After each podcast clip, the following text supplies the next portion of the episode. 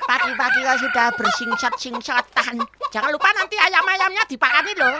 Ya, Ngomong-ngomong le, seneng ki ngapa?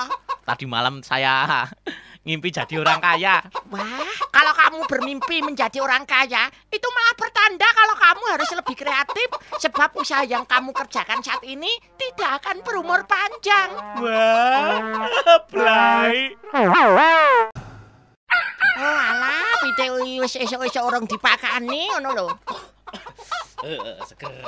Kamu tuh dari mana? Mandi kok ya. Wah, Mandi kok suwene ra jamak-jamak. Kamu itu kalau mandi itu jangan lama-lama. Sebabnya orang yang mandi lama-lama di kamar mandi itu, kita bakal terlihat lebih tua dari usia kita sebenarnya. Bisa nek adus ki sedikit wae raup wae. Wah, enggak gue banget gitu loh. Wah, asik gitu loh jatilan. Matamu keduten sik kanan ki. Kowe ki bajul cewek apa piye le?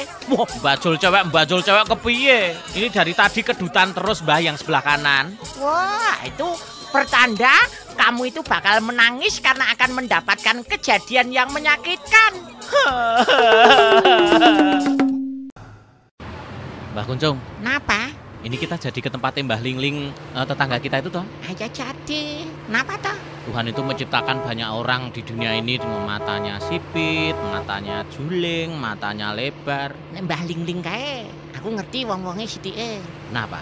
Ya kan matanya sipit ta. Nah, Hmm. Orang dengan mata sipit itu penuh semangat, tidak mudah putus asa dan senang bekerja. Wow, pantesan uripnya makmur ya. Ayo ora kaya kowe wong kere kok ora wis-wis.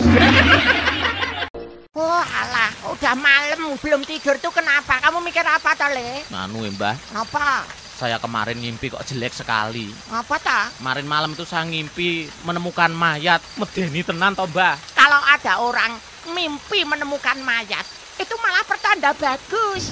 Pertanda kamu akan segera mendapat untung yang tak pernah kamu sangka. Nek gitu, besok tak ngimpi menemukan mayat yang banyak gitu, Mbah. Wow,